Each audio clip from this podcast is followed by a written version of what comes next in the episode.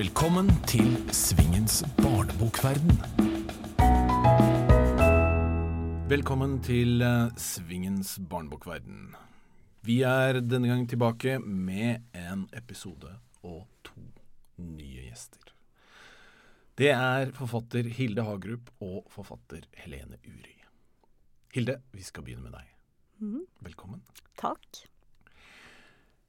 Første spørsmålet til deg er hvorfor ble du et skrivende menneske? Oi. Ja, det er jo et stort spørsmål. Men jeg er jo Altså, jeg tror jeg, jeg har alltid skrevet. Jeg kommer jo fra en familie hvor det var mye litteratur. Det eh, er jo ikke noe hemmelighet. Altså, faren min Klaus var forfatter, og farmoren min Inger, og jeg har fettere og kusine som, som eh, skrev og skriver, og en onkel, og i det hele tatt Det var veldig mye på en måte litteratur i, i lufta og i, i, i drikkevannet, nær sagt, hjemme. Men jeg tror nok at Altså, eh, jeg, jeg tenker at liksom, ofte så kan det være liksom flere piler som peker samme vei, hvis du skjønner hva jeg mener med det. Så det var nok det ene. At det var at jeg kommer fra et, et, et miljø der det var mange som skreiv.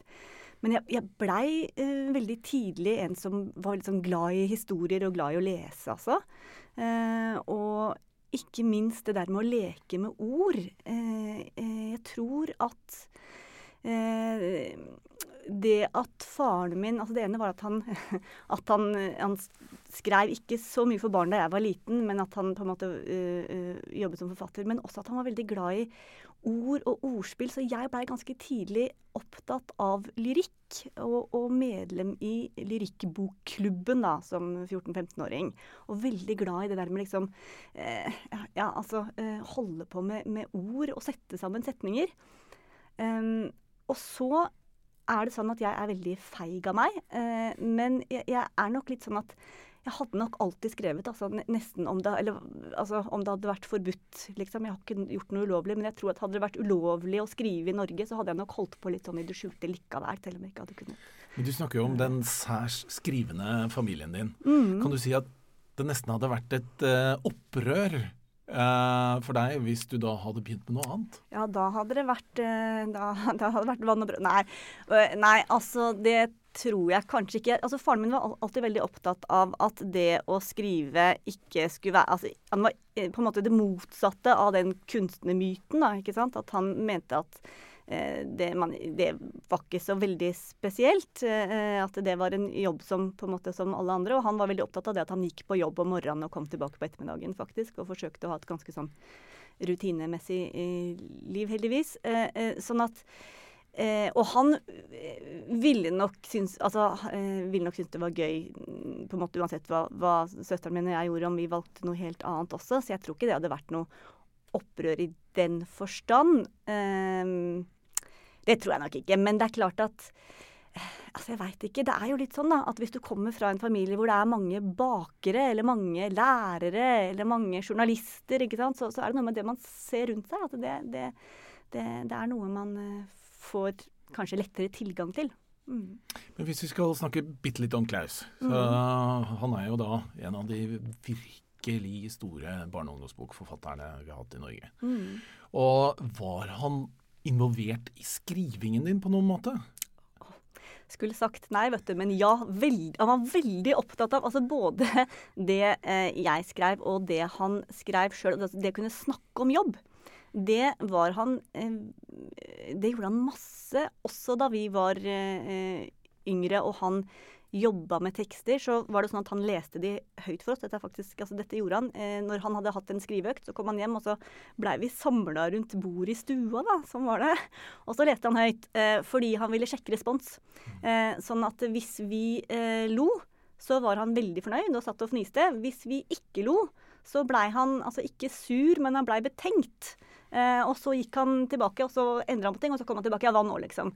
Sånn at vi har snakka mye om jobb bestandig, ja. Mm. Og da lo du bare hvis det var morsomt? Ja, eller men da lo jeg hele tida, da. For å, nei.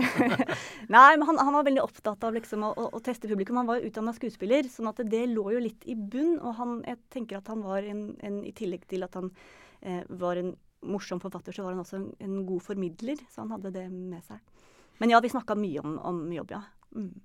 For selv om du eh, debuterte med bok tidlig så debuterte du faktisk med en novelle på trykk allerede som 14-åring. Ja, altså det er jo noe som jeg ikke veit om det altså Jeg tror ikke det fins lenger på samme måte, til tross for at vi har internett. Så man skulle jo tro at det var veldig mange muligheter for ungdom eh, å få publisert ting. Eh, men, men, jeg tror det er kanskje til at det altså litt sånn utvanna. Men den gangen, da, på 90-tallet, så eh, Altså den første novellen min var i en, en, en samling som kom ut på Aschehoug. Men i tillegg så hadde jo Ungdomsbokklubben og Gyldendal hadde noen sånne novellekonkurranser flere år på rad, hvor, novelle, altså hvor, ungdom kunne sende inn noveller som de hadde skrevet. Og for meg så blei det en utrolig fin måte å øve meg på å gjøre ferdig en historie. Eh, eh, og det som er så gøy, er at jeg har gått tilbake og sett på noen av disse samlingene, og jeg ser jo at det er eh, faktisk en del av oss som, som, som seinere har blitt forfattere, da, som starta med å få en novelle på trykk i, i disse bøkene til Gyldendal Ungdomsbokklubben. Mm. Men da du debuterte med bok, så var du blitt så voksen som 22. Ja. og da jeg debuterte, så var jeg 31. Ja. Og jeg følte meg utrolig ung igjen som 31-åring, mm. fordi Gjennomsnittsalderen blant mine kollegaer var jo en smule høyere. Mm. Hvordan føltes det å debutere som 22-åring? Ja, jeg, jeg, tror ikke jeg reflekterte så mye. Jeg visste jo at jeg var ung, men jeg, jeg, Det var litt sånn tilfeldig. Eh, fordi jeg hadde skrevet på Altså, jeg visste at jeg ville skrive, og at eh, jeg trodde vel at jeg skulle bli journalist, men altså, som sagt så er jeg så feig at jeg skjønte at Altså, jeg skulle drev og studerte moderne tredje verdenshistorie i London, og sammen med en del veldig modige folk som skulle ut og jobbe for både FN og CNN, og det var liksom de, de var veldig så Jeg skjønte ganske raskt at det lå ikke for meg. Eh, sånn at jeg måtte liksom holde meg på et, et sted der det var litt tryggere. Eh, eh, men jeg hadde jo lyst til å skrive, og så hadde jeg sendt en del noveller, da, for det var jo det jeg hadde trening i. Sendte en del noveller, eller det jeg trodde skulle bli noveller, eh, til, eh, til Aschehoug. Eh, og så i samarbeid med hun som blei min redaktør, Mari Rød, så fant jeg ut at det, det skulle være en, en roman i stedet, da. Eh, men det var ikke sånn at jeg hadde liksom planlagt eller reflektert så mye. Det var mer det at jeg, jeg, måtte skrive om det jeg kunne noe om. Og det, siden jeg var såpass ung, så visste jeg at det jeg kunne noe om, var egentlig hvordan det var å være ungdom. Eh, og da blei det sånn. Eh, men at um, Ja, nei, jeg, jeg, tror ikke jeg på en måte var så veldig bevisst når folk debuterte. Jeg tror ikke jeg tenkte så mye over det. Men det blir jo, som du sier, eh, skal vi kalle det realistiske ungdomsromaner da, de eh, første årene. Mm. Som du ikke gjør så mye av nå. Er det fordi det er lenger siden du var ung? Ja, det sikkert, eh, har sikkert med det å gjøre. Og så tror jeg også at jeg alltid har hatt en sånn ting med at jeg må forsøke å um, utfordre meg. Altså det skal, jeg må på en måte pushe en eller annen form for grense når jeg skriver. Altså gå mot det som er altså, Dette har jo folk snakka om før, da, men mot det som er vondt, eller det som er en slags ytterkant. Eh, og, eh, og, på et eller annet tidspunkt, når jeg hadde skrevet ganske mange ungdomsromaner eh, så, som, måte, som var realistiske, da, som handla om noen av de samme tingene, så følte jeg litt at nå må jeg finne noe nytt og utforske noe som jeg ikke kjenner til. Eh, eller noe som er, Så det er på en måte litt motsatt av det jeg sa i sted. Men jeg prøver å pushe grenser på en eller annen måte, enten i prosessen eller i temaet, for for å finne det som gir en slags motstand som jeg kan skrive mot. Da. Mm. Ja, for det kom jo eh, et, på meg et litt uh, overraskende skille i forfatterskapet ditt mm. rundt skal vi si 2011. Mm. For da begynte du å skrive litt krøssere og litt mm. serier og litt lettere ja. bøker. Uh, var det noen plan bak dette, eller Nei. skjedde det helt sånn uh, naturlig? Det, det, var en helt naturlig plan. Nei, jeg veit ikke. Nei, jeg, jeg, jeg, tror Altså, det som skjedde, det var faktisk at jeg hadde noen ungdomsbøker som jeg, eller særlig en som jeg skrev i samarbeid med Lesersøkebok, og jeg blei veldig opptatt av det For det første, det, altså hvor mye kan jeg skjære ned språket.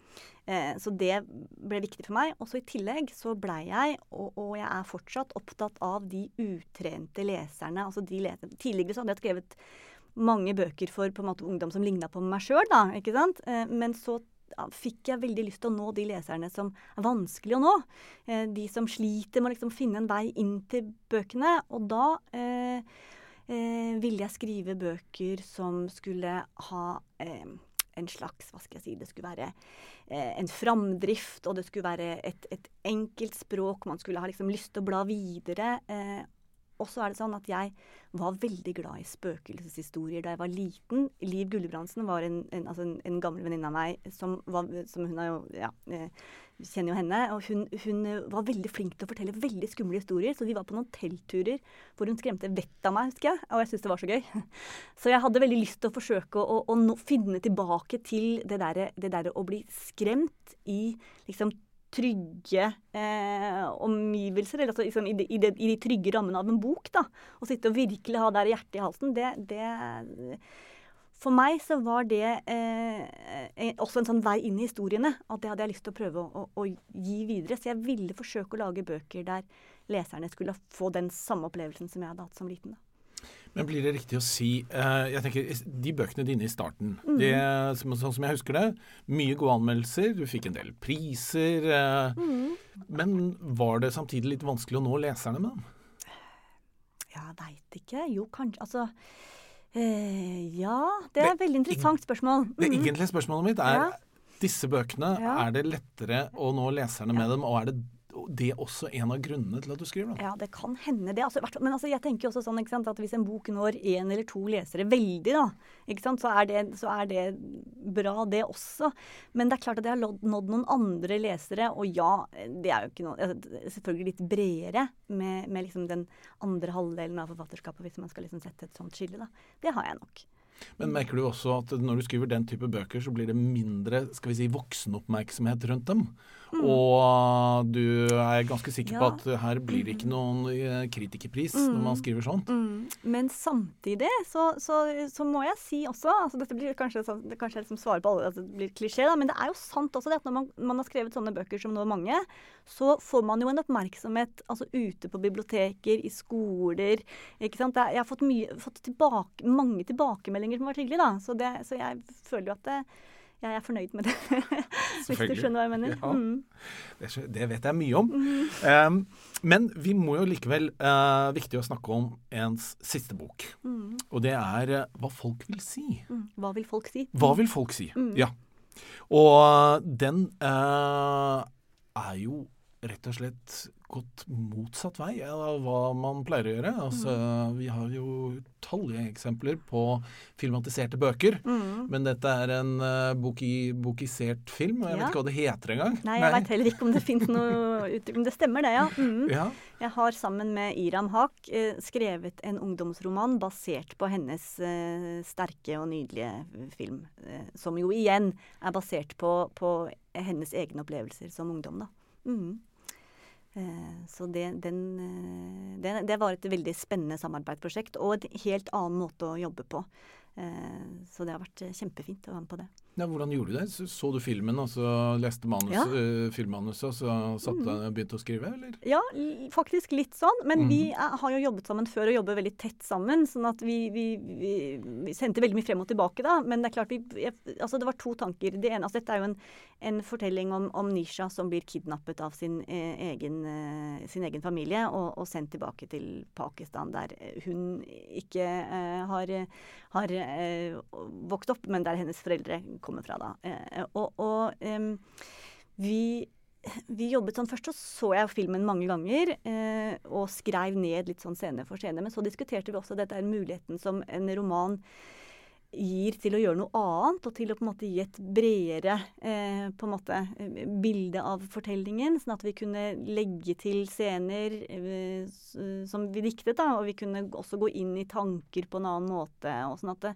det er jo sånn at det hvert hvert medie som man forteller en historie i. Hver plattform har jo liksom sine styrker, da. Eh, og, og, det å kunne gå helt inn i hodet til Nisha, det syns jeg gjorde at det var liksom eh, verdt å fortelle denne historien en gang til. Mm. Jeg eh, skrev eh, en eh, kollektivroman i 2004 som hadde et, blant annet noen flerkulturelle karakterer. Mm. Blant annet med bakgrunn fra Pakistan og Iran. Mm. Da jeg møtte leserne, så hendte det at jeg møtte folk fra de landene som ikke var så fornøyd med at jeg, som en hvit norsk forfatter, skrev om noe med deres bakgrunn. Mm. Uten at de kunne ta meg på at jeg har gjort noen direkte feil i de bøkene. Mm. Har du møtt noen sånne ting i dag? Nei, men jeg må vel si at for min egen del så kunne jeg kunne ikke fortalt denne historien hvis jeg ikke hadde gjort det samme med Iran. Altså Det kunne jeg ikke gjort. Jeg tror alle må liksom finne ut hvordan man gjør det for seg sjøl. Men for min del så tror jeg at det er veldig viktig Åh, dette er jo et kjempekomplekst stort eh, tema. Det er veldig viktig at disse fortellingene eh, kommer fram, og det er viktig at man på en måte ikke, ikke trår for varsomt. Og samtidig så skal man også være forsiktig med å forsøke å eie andre folks historier. Tenker jeg, da. Eh, så jeg kunne ikke gjort den aleine. Du har også skrevet biografier for ungdom. Mm. Blant annet om Agatha Christie og Virginia Woolf. Mm. Hva skiller dem fra andre biografier, det at det heter biografier for ungdom? Ja, det er jo eh, selvfølgelig at det er Historien fortelles på en, en, enklere, hva skal jeg si, kortere måte, da. Det er jo det på en måte åpenbare. Um, ja. Eh, det er det åpenbare, tenker jeg. Mm. Um, For faktaene er jo de samme. Faktaene er jo de samme, fortell fortellingene er jo de samme. Men man, og man må jo finne en vinkel, man må jo finne liksom en vei inn. Uh, men blir det mer om deres ungdomstid, f.eks.? Ja, kanskje litt mer uh, sånn, ja. Ja, det har du rett i. Mm. Men jeg kan bare si en ting som jeg syns har vært gøy med de to prosjektene. Jeg har også skrevet en, må si det kjapt, en biografi for voksne om Anne Karin Elstad. Og en av de tingene som jeg oppdaget alle disse tre skrivende kvinnene, som jo er veldig ulike og har veldig ulike forfatterskap, de har én ting til felles. Uh, og det er at de hadde foreldre som åpnet bibliotekene for dem. Altså de fikk lov til å lese hva de ville. Og det, og det har de sagt, altså Alle tre har sagt dette i ulike sammenhenger i ulike intervjuer. Det syns jeg var så interessant. For det er jo sånn der, ikke sant? Altså, hva er det som skaper en, en, en som skriver, da. Mm. Og så må vi komme innom 'Snøfall'. Mm. Den har du da altså skrevet sammen med din søster og din far. Ja.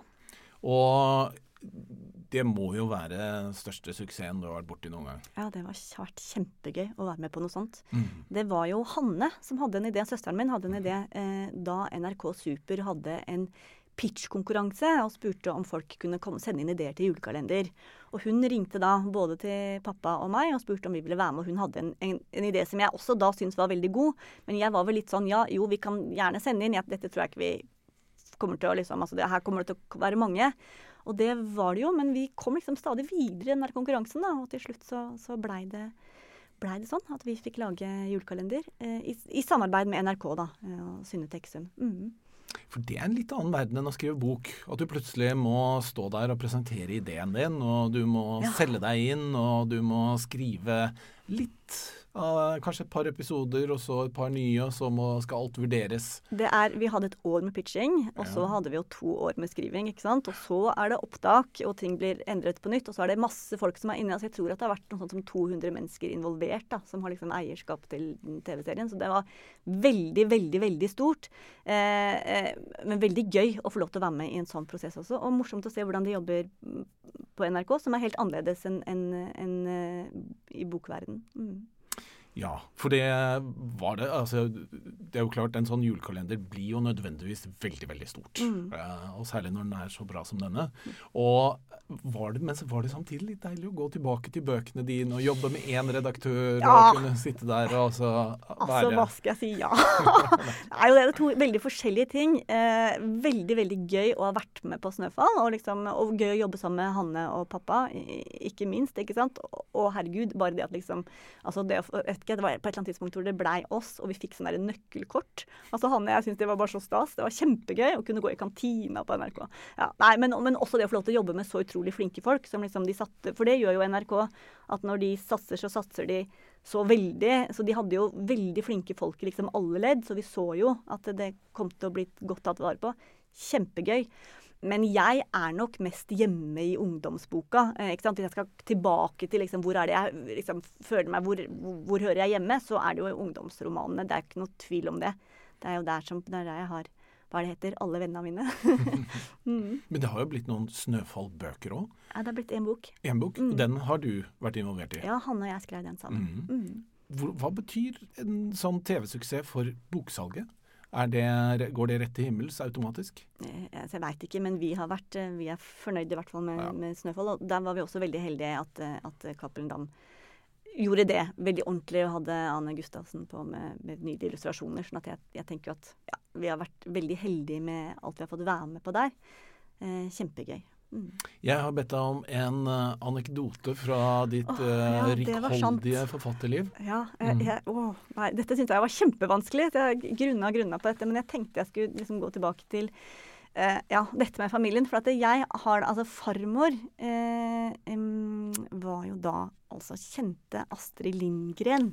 Inger Hagerup. Ja, altså. Inger Hagerup kjente Astrid Lindgren. Eh, og da jeg hadde lest dette ja, og jeg ble sånn, Å, dette er litt pinlig, egentlig, men, jeg, men nå har jeg begynt, så nå skal jeg si det. Jeg hadde lest 'Brødrene Løvehjerte' og, og hadde da en idé til en oppfølger. Så jeg sendte, skrev et langt brev, jeg var sju år, skrev et langt brev til Astrid Lindgren med oppfølgerideen som jeg tvang farmor til å sende til henne. eh, med, med et sånt ikke sant, Hei, og, og her kommer brev fra mitt barnebarn. Og da eh, eh, fikk jeg svar, faktisk. Eh, så jeg har et sånt eh, brev fra Astrid Lindgren et eller annet sted hjemme hvor det står 'Vær trevlig at du tykte om Brødrene Leonhjerta', men hun sa ikke noe om ideen, da. Nei. at, ja. Så, så så det hadde Uffa meg, sin rødmer fælt. Ja, det var min anekdote. Det, ja. Mm. Sånn var den. Veldig fint. Da skal vi få inn uh, Helene Uri i uh, samtalen. Da skal vi ta ordne litt på mikrofonen. Sånn. Velkommen, Helene. Tusen takk. Dere har jo én ting uh, felles. Og det er at dere er eh, noe så sjelden som eh, professorer innenfor barne- og ungdomslitteratur. Så hvordan blir man det? Altså, studerer man verdenshistorie i London, og så blir man professor i skrivekunst? Ja, for det er jo skrivekunst og ikke barne- og ungdomslitteratur. For mitt vedkommende så gikk det jo via den akademiske veien, fordi jeg drømte om og trodde jeg skulle bli eh, forsker på Blindern. Og det var jeg jo også i tolv år før jeg fant ut at jeg heller ville være forfatter. Og så fant jeg på et eller annet tidspunkt ut at det egentlig har vært ålreit å ha en liten fast inntekt i bånn, så nå er jeg i en toerstilling, da. Så det er bare en deltidsstilling på Barnebokinstituttet. Så for meg så er det jo en kombinasjon av det akademiske og det å skrive, selvfølgelig. Så man blir jo vurdert ut fra det man skriver, rett og slett. Ja, for du jobbet jo på universitetet, men det har ikke du gjort, eh, Hilde? Nei da. Nei, det har jeg ikke gjort. Nei, altså jeg er professor basert på altså, det som heter kunstnerisk virke, da. Eh, som er den andre, andre veien dit. Mhm. Jeg er jo også det, altså. Det er vel bare Ja. at jeg Ja, begynte jeg, bare, jeg bare kom inn Jeg tror ikke jeg ville tenkt tanken engang hvis ikke jeg hadde først vært på, på Blindern. Mm. Det var jo for så vidt ikke jeg som tenkte tanken heller. Det var vel Barnebokinstituttet som, som tenkte på oss og lyse ut stillinger osv. Men når dere nå er eh, begge involvert i eh, forfatterutdanningen, er det sånn at vi får færre av eh, de selvlærte forfatterne, sånne som meg, i dag?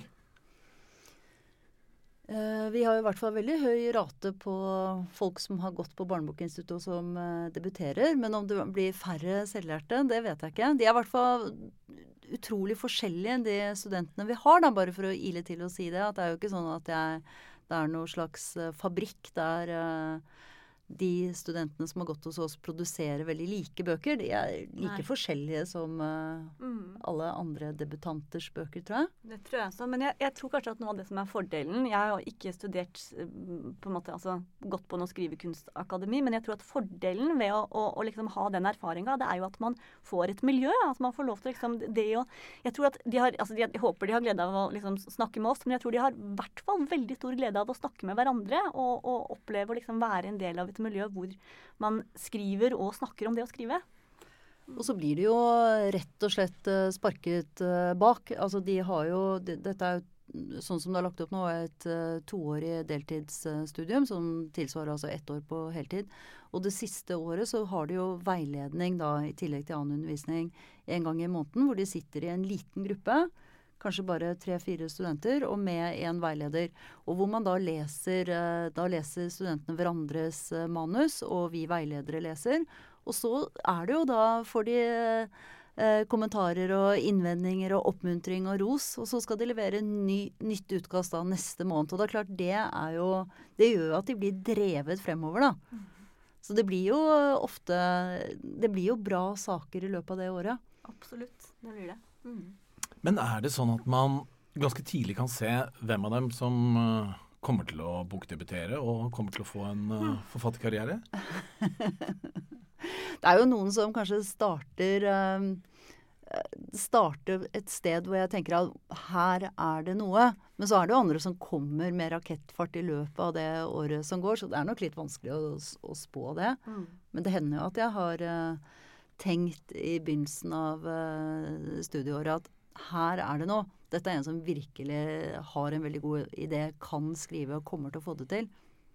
Men så er det andre som, som kommer etter. Stort sett så er de jo veldig gode, da. Ja, ikke sant. Jeg mm. tenker også det. Ja. At, uh, mm.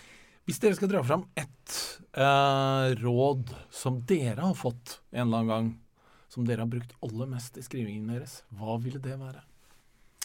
Ja, eh, jeg, jeg tror det der med å skrive på Altså skrive det man syns er altså Ikke morsomt nødvendigvis i sånn forstand at man skal le av det, men det som gir en energi når man sitter i prosessen. Da, lete etter de der øyeblikkene som gir den derre flyten. Eh, jeg tror at da jeg var veldig ung, altså som tenåring, og dreiv og skrev, så følte jeg at jeg måtte gjennom noen sånne etapper. ikke sant? For at hvis, skal, hvis hun først skal begynne på skolen så, og skal hjem på ettermiddagen, så må du liksom gå hele veien. Det må man ikke. ikke sant? Det, det, å, det å bare lete etter de scenene man har lyst til å skrive ut, det, det var et råd jeg fikk en gang, som jeg har fulgt. Mm. Ja, hvis jeg ikke skulle sagt i imperativ uh, av verbet lese, altså les, så ville jeg vel valgt imperativ av verbet skrive. Skriv. Altså skriv og skriv og skriv. Og så er, fungerer jo ikke dette for alle forfattere, for det er jo noen som blir dårlig av å se en, en dårlig setning på skjermen. Så får de sånn fysisk ubehag og klarer ikke å skrive videre. Noen forfattere har betrodd meg det. Uh, men uh, jeg liker jo å skrive og skrive og skrive og bare få det ut. Fordi jeg mm. mener at det fins ikke noe mer demotiverende enn en tom skjerm. Mm. Og så kan man sitte og bearbeide og slette og stryke og bytte ut et ord med et annet ord, og kanskje konkludere med at dette fungerer ikke. Men det er i hvert fall noe med å få ting ned da, på papiret eller på, på skjermen. Mm. Så les og skriv. Jeg har i tillegg eh, utfordret dere til et spørsmål mm. til hverandre. Mm. Skal vi begynne med ditt, eh, Helene, til eh, Hilde? Ja, jeg fortsetter egentlig med imperative ytringer her. Ja. Jeg vil veldig gjerne at du, Hilde, skal skryte skikkelig av deg selv. Skryt! Helene. Neimen, uff! ja. Men hva, hva, skal jeg si da? Ja, hva tenker du på da? Hva skal jeg skryte av? Skal jeg si sånn jeg er flink til sånn og sånn? Er det sånn? Du, du, du, du, er jo Du fremstår jo som Jeg vet jo at du Du er jo ikke beskjeden, du er jo forfatter, så du har jo mm. tro på deg selv. Mm. Men allikevel så, så koketterer du litt med å være beskjeden. Så jeg vil ha skikkelig skryt. Hva er det du er ordentlig, ordentlig, ordentlig god til? Ja, jeg skal si hva jeg, jeg er god til eh, som forfatter, da. Eh, ellers så har jeg en lang liste som jeg kan ta etterpå. Nei da. Nei, jeg, jeg, jeg, er nok, jeg har nok god språkfølelse. Det, det må være lov å si. Er det greit? Holder det? Nei, Du kan godt fortsette, men det er lov å si. Helt jeg har veldig god språkfølelse. Nei, jeg... Nei, men jeg har en følelse for hva som er en god setning. I hvert fall for meg. Hva som klinger godt. da, Som sikkert kommer fra den derre eh, leken med ord som eh, barn og ung. Ja. Mm. Jeg føler at du har lyst til å stoppe der, så kanskje vi skal ta ditt spørsmål, Hilde, til Helene? Ja, Helene. Uh, nei, jeg, uh, ja, mm, jeg har tenkt på et spørsmål som man ofte får som forfatter, som man synes er litt sånn uh, Som er et, et, spørsmål som ingen av oss liker, som er det her 'Hvor får du ideene fra?' Jeg skal ikke spørre deg om det, men det jeg har lyst til å spørre deg om, som er liksom, hva skal jeg si, spørsmålet etter det spørsmålet.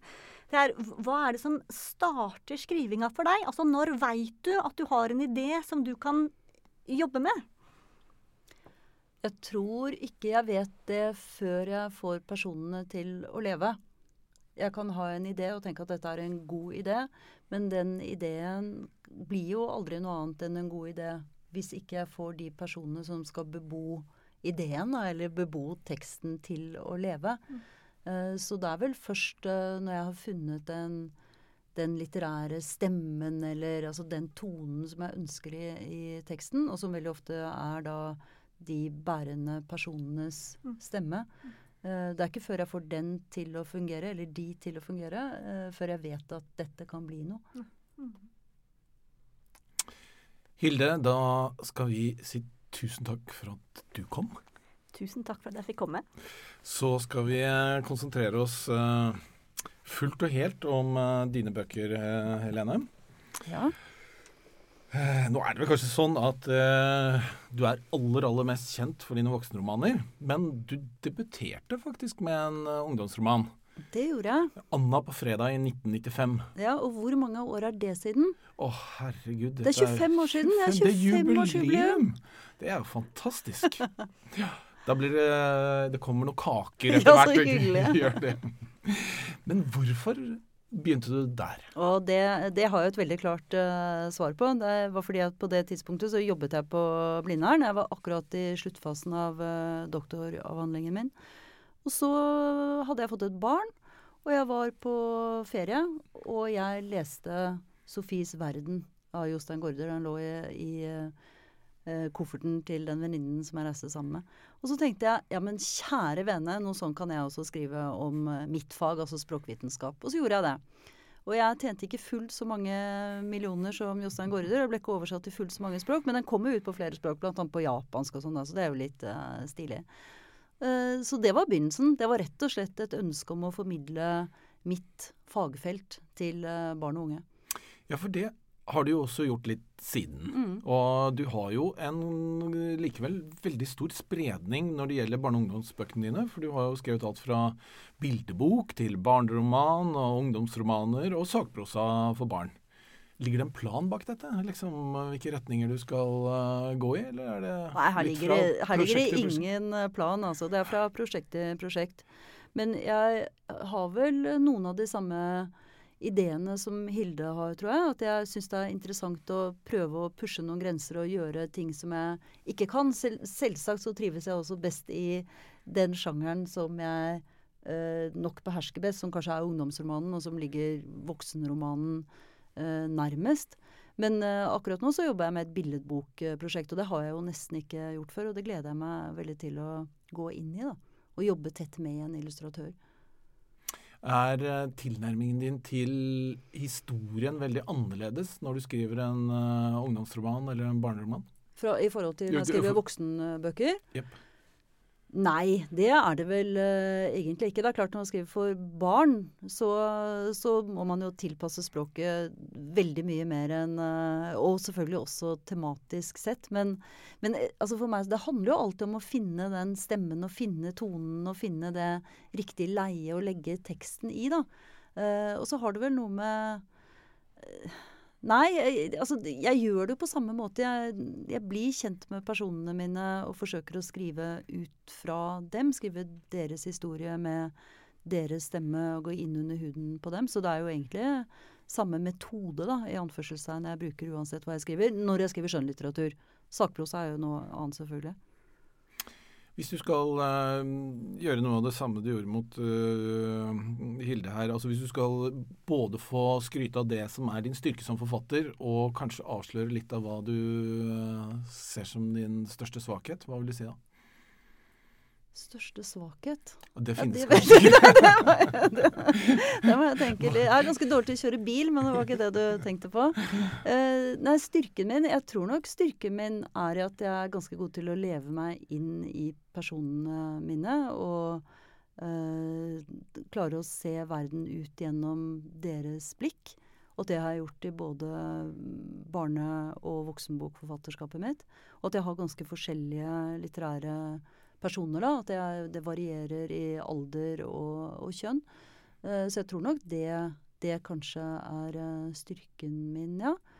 Uh, ellers så jeg er jeg selvfølgelig også veldig glad i det, det Språket sier seg selv. Man kan ikke være skjønnlitterær forfatter og ikke være glad i, i språket. Bruker jo mye tid på det. Leser alt jeg skriver høyt. Uh, før leste jeg for uh, barna mine når jeg skrev barne, altså bøker for, for, barn. De har jo flyttet hjemmefra og vokst fra meg. Men jeg leser for hunden, da. Ja. ja. Og Calvin er positiv? Calvin er veldig positiv, altså. Hva er det?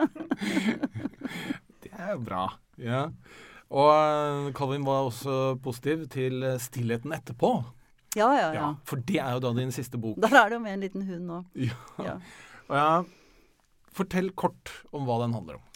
Jeg ønsket å skrive en roman uh, som foregikk uh, med skolen som arena. Så det var utgangsideen min.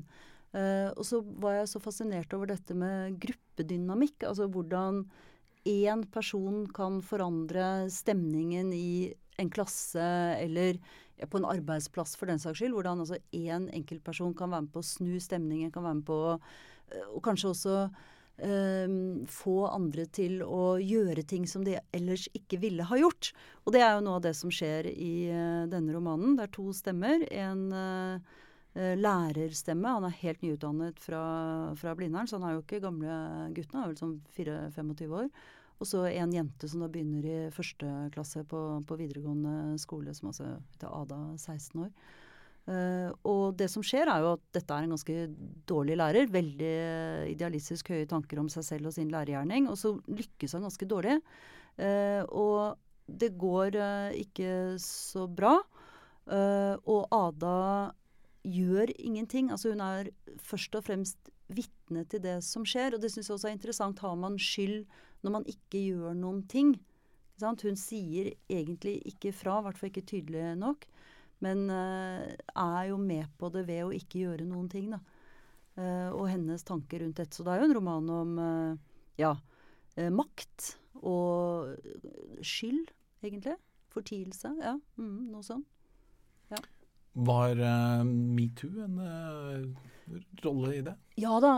Hadde, og det var for så vidt ikke hovedideen. For hovedideen var dette med grupper, makt, konstellasjoner og skole. Eh, men det vokste frem etter hvert som jeg skrev. Og særlig kanskje dette med makt. At makt ikke alltid sitter i den enden av en eh, personkonstellasjon som man skulle tro. Eh, fordi her er det jo Altså, man har også et påstått offer har makt i det å påstå at man er et offer. ikke sant? Og det syns jeg hadde vært interessant å se hvordan utspiller seg da uh, i en klassesituasjon. For dette er jo uh, jenter som ikke helt skjønner hva de gjør. Og så uh, Og egentlig en voksenperson som heller ikke er sin rolle voksen nok, da. For bare noen dager siden så hadde jeg en uh, gruppe på 100 uh, eh, ungdommer som uh, skulle snakke litt med om bøker. Og da stilte jeg et spørsmål som jeg veldig, veldig ofte stiller. Hvor mange av dere leser bøker på fritida? Og da var det to hender. Ja. Hva tenker du om framtida til ungdomsboka i Norge? Nei, Nå har vi jo veldig tro på lyd, har vi ikke det? Så vi får håpe at uh, alle fremtidens ungdommer kommer til å høre våre ungdomsbøker og andres ungdomsbøker på, på øret. Nei, jeg syns jo det er uh, Det er jo litt skremmende utsikter, det er jo det. Uh, men fortellingen står jo veldig sterk, da, ikke sant? I form av serier og filmer.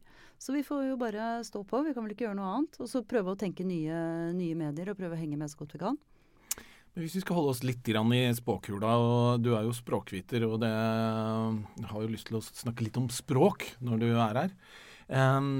Hvilke utviklingstrekk i det norske språket ser du framover? Hva er det som vi har i vente? Klarer du å du, dette, du kan hyre meg inn til et foredrag her. Jeg har et sånn 45 minutters uh, klart uh, foredrag om det. Nå tenkte jeg på 60 sekunder.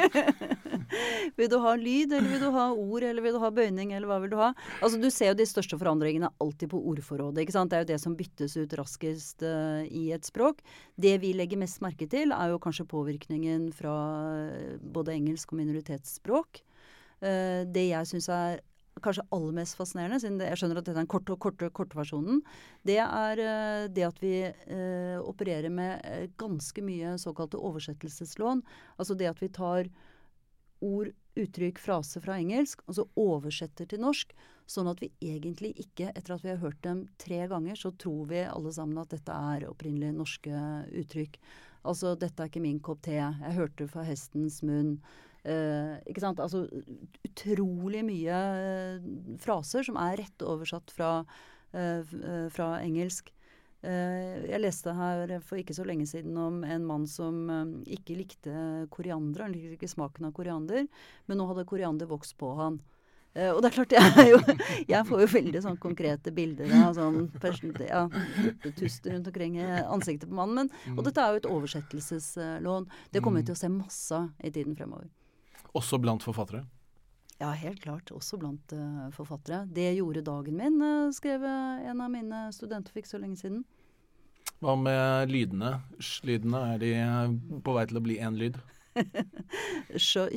ja, det gjenstår jo å se, da. Men om dette blir dialektforskjeller, eller om dette bare er en sånn motedille som gir seg. Men jeg tror nok at uh, lyden går en litt sånn trøblete tid i møte, ja.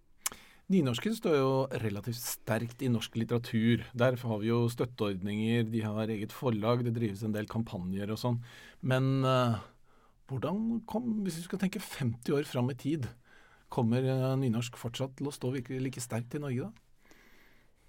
Ja, nå, nå, skal ikke jeg som bokmålsberte sitte og uttale meg om det. Det kommer bare til å gå veldig dårlig. Men jeg ville vært litt bekymret for den utviklingen som skjer i sosiale medier. Hvis jeg hadde vært uh, uh, nynorsk uh, elsker, det er jo for så vidt, men da nynorsk skrivende også. fordi i sosiale medier så skriver man jo mer og mer dialekt og mindre og mindre nynorsk. Og det gjør jo at språket blir enda mer ustabilt da, enn det det har vært.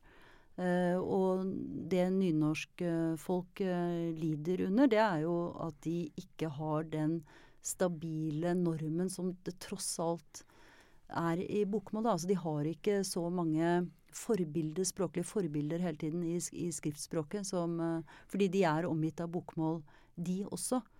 Eh, så det er jo et eh, problem. Jeg har for øvrig utgitt to bøker på Samlaget og skriver uh, nynorsk, om ikke akkurat like bra som bokmål, men feilfritt, tror jeg jeg kan si. Jeg vil bare si det for noe, så ikke noen tar dette ille opp. Men, så jeg er oppriktig bekymret for nynorsk, men det, dette kan gå kjempebra. Og som du sier, det står jo veldig sterkt i kulturlivet. Når det gjelder uh, dine egne bøker, hva, er det sånn at du sitter med et vell av ideer som du nå sitter og velger blant når du skal tenke framover? Eller er du veldig flink på å på en måte fokusere på én idé og så la den vokse? På meg? Ja. ja. På meg. Eh, Selvfølgelig.